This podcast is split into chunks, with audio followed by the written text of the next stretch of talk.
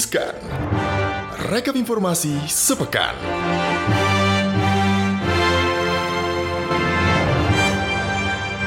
Halo Sobat Cuan, ketemu lagi di Riskan Rekap Informasi Sepekan. Dan ada Alin yang bakal bacain ya Apa aja sih berita-berita yang menjadi highlights di minggu ini Dari tanggal 5 Oktober 2020 Sampai berita ini direkam ya Di tanggal 9 Oktober 2020 Berita pertama ini datang dari dalam negeri Sobat Cuan ya Di tanggal 5 Oktober 2020 Tentang disahkannya Undang-Undang Cipta Kerja Atau Omnibus Law Ciptaker Nah berdasarkan rapat paripurna DPR RI ini akhirnya disahkanlah Undang-Undang Cipta Kerja dengan ketuk palu tanda disahkannya undang-undang tersebut dalam sidang paripurna DPR yang digelar hari Senin 5 Oktober 2020.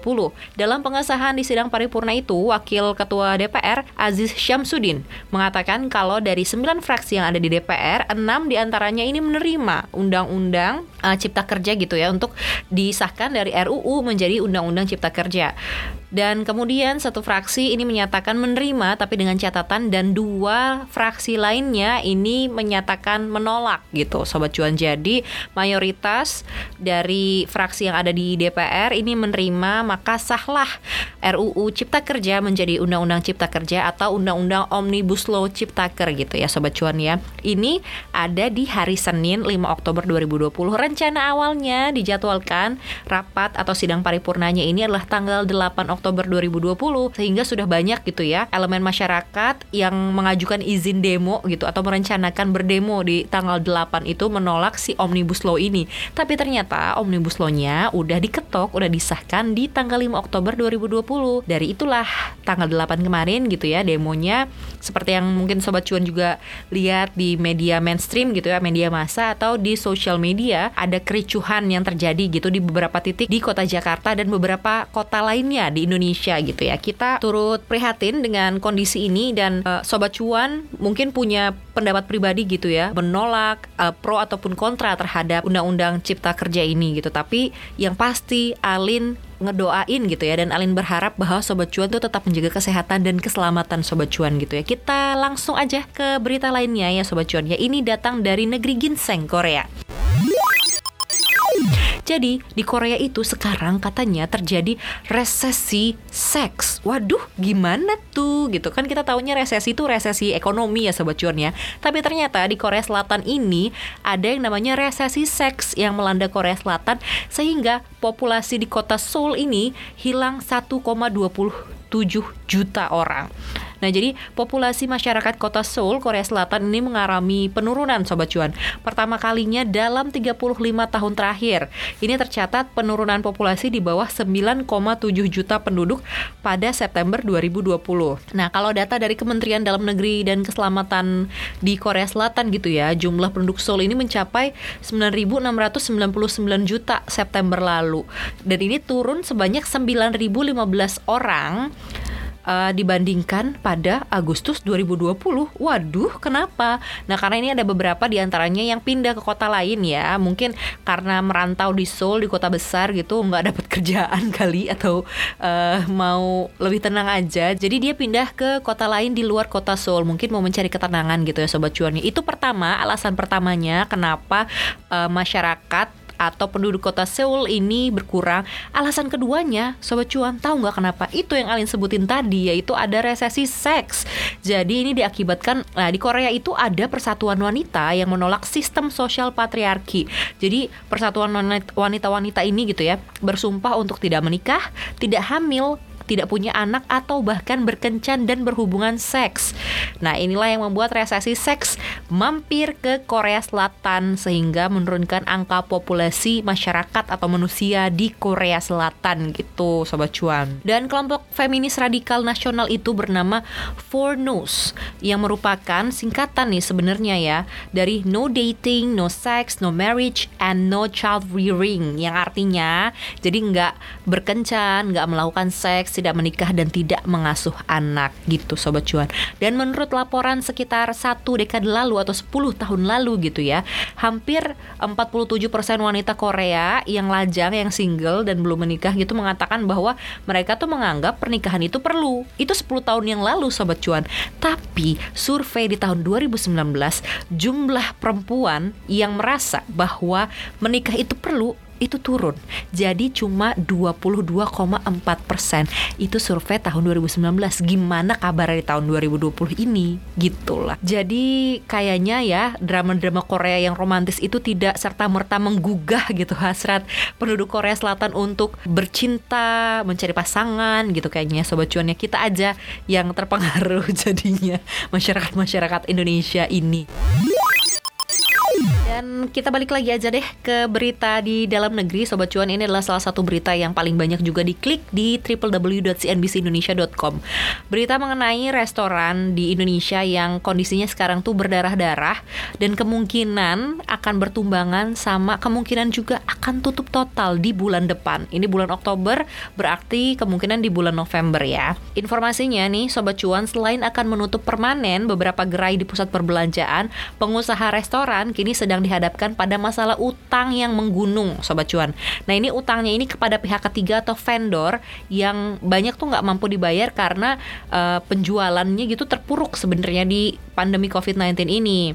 Kebijakan larangan makan di tempat atau dine in ya, sekarang kan restoran-restoran di Jakarta utamanya itu kan nggak boleh dine in, harus take away gitu ya. Nah ini membuat pengusaha restoran harus memutar otak gimana supaya bisnisnya tuh tetap jalan gitu tapi banyak juga yang mungkin udah nggak um, apa ya udah nggak sanggup muter otak atau udah bingung udah diputer banget nih otaknya udah segala macam dilakukan gitu. Dan akhirnya memutuskan untuk memangkas biaya operasional dengan menutup permanen gerai-gerainya. Jadi kalau kata wakil ketua umum Persatuan Hotel dan Restoran Indonesia atau PHRI bidang restoran Emil Arifin uh, ini bilang ke CNBC Indonesia kalau sekarang tuh pengusaha pengusaha restoran gitu ya prinsipnya atau mindsetnya adalah uh, cari uang dulu. Jadi mindset utamanya itu adalah cari uang dulu, cari partner baru dan macam-macam itu nanti gitu. Karena utangnya dengan supplier itu belum selesai, jadi harus diselesaikan.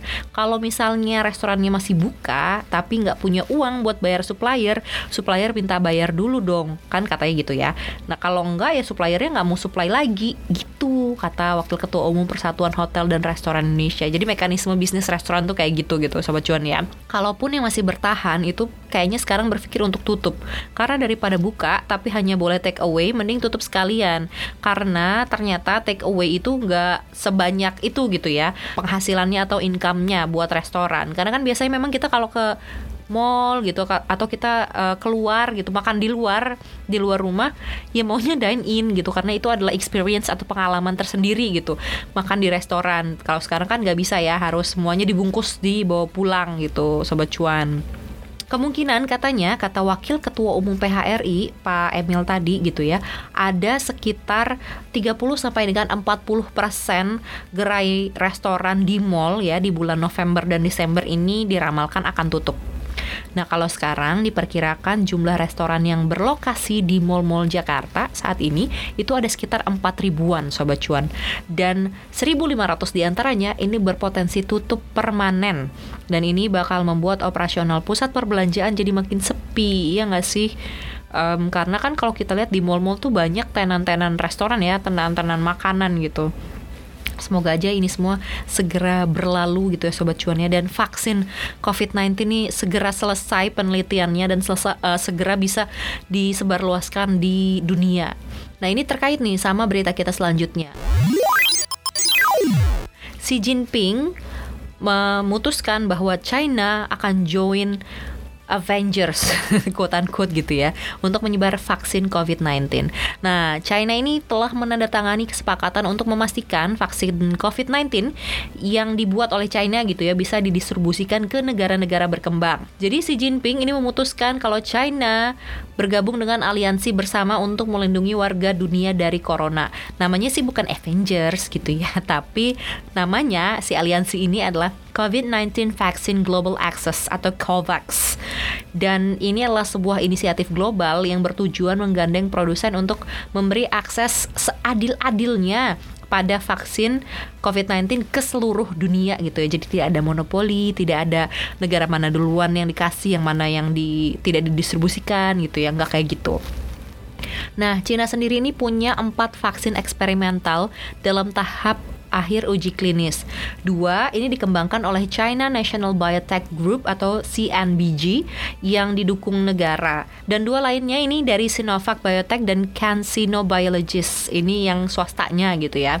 Nah, China ini menjadi negara ke-169 yang bergabung dengan aliansi COVAX tadi yang dipimpin Badan Kesehatan Dunia atau WHO. Nah, COVAX ini menargetkan memberikan 2 miliar dosis vaksin hingga akhir tahun 2021 ke seluruh dunia gitu ya.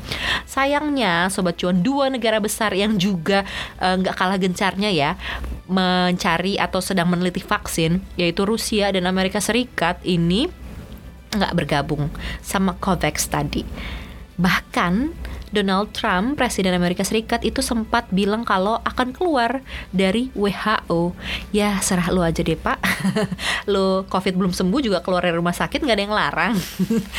Terserah Pak Trump aja gitu ya Sobat Cuan. Tapi semoga aja Sobat Cuan ya kita terhindar dari mara bahaya, dari penyakit. Makanya jaga kesehatan, jaga keselamatan ya sobat cuan ya. Kalau misalnya mau informasi-informasi ekonomi, bisnis dan investasi lain yang lebih lengkap dan juga komprehensif, sobat cuan bisa ke www.cnbcindonesia.com atau cek aja di Instagram juga ada kok at CNBC Indonesia dan di Instagram kita ya at cuap underscore cuan gitu aja dulu sobat cuan semoga pekan depan akan lebih menyenangkan dari pekan ini atau lebih lebih lebih lebih lebih lagi uh, membahagiakan gitu ya buat sobat cuan. Sampai jumpa minggu depan. Itu dulu aja Alin pamit. Bye.